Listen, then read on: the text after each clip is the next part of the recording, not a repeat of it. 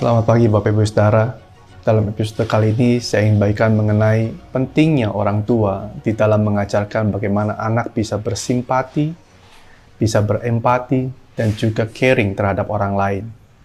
Simpati adalah satu keadaan di mana anak bisa mengasihani keadaan orang lain dalam keadaan yang sulit. Empati adalah satu keadaan di mana anak turut merasakan apa yang dirasakan oleh orang lain dalam keadaan yang sulit.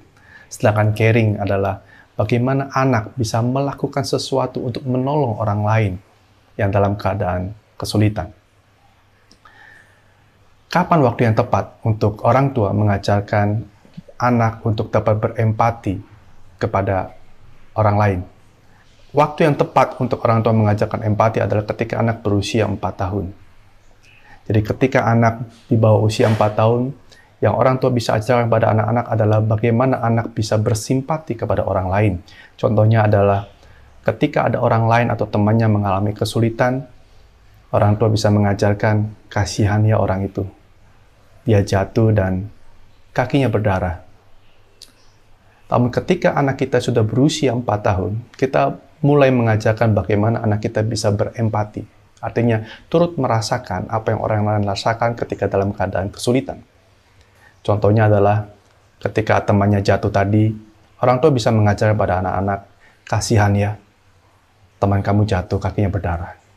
Seandainya kamu yang jatuh kaki kamu berdarah, apa yang kamu rasakan? Itulah caranya mengajarkan empati.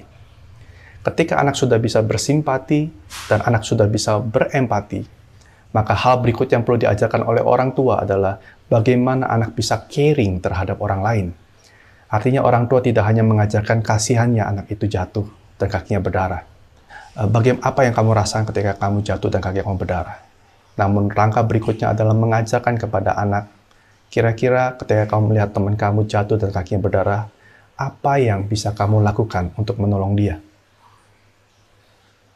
Jadi ketiga hal itu adalah satu package di mana kita orang tua harus mengajarkan pada anak-anak sehingga anak-anak tidak hanya memiliki belas kasihan kepada orang lain, namun anak-anak juga memiliki hati yang mau menolong orang lain.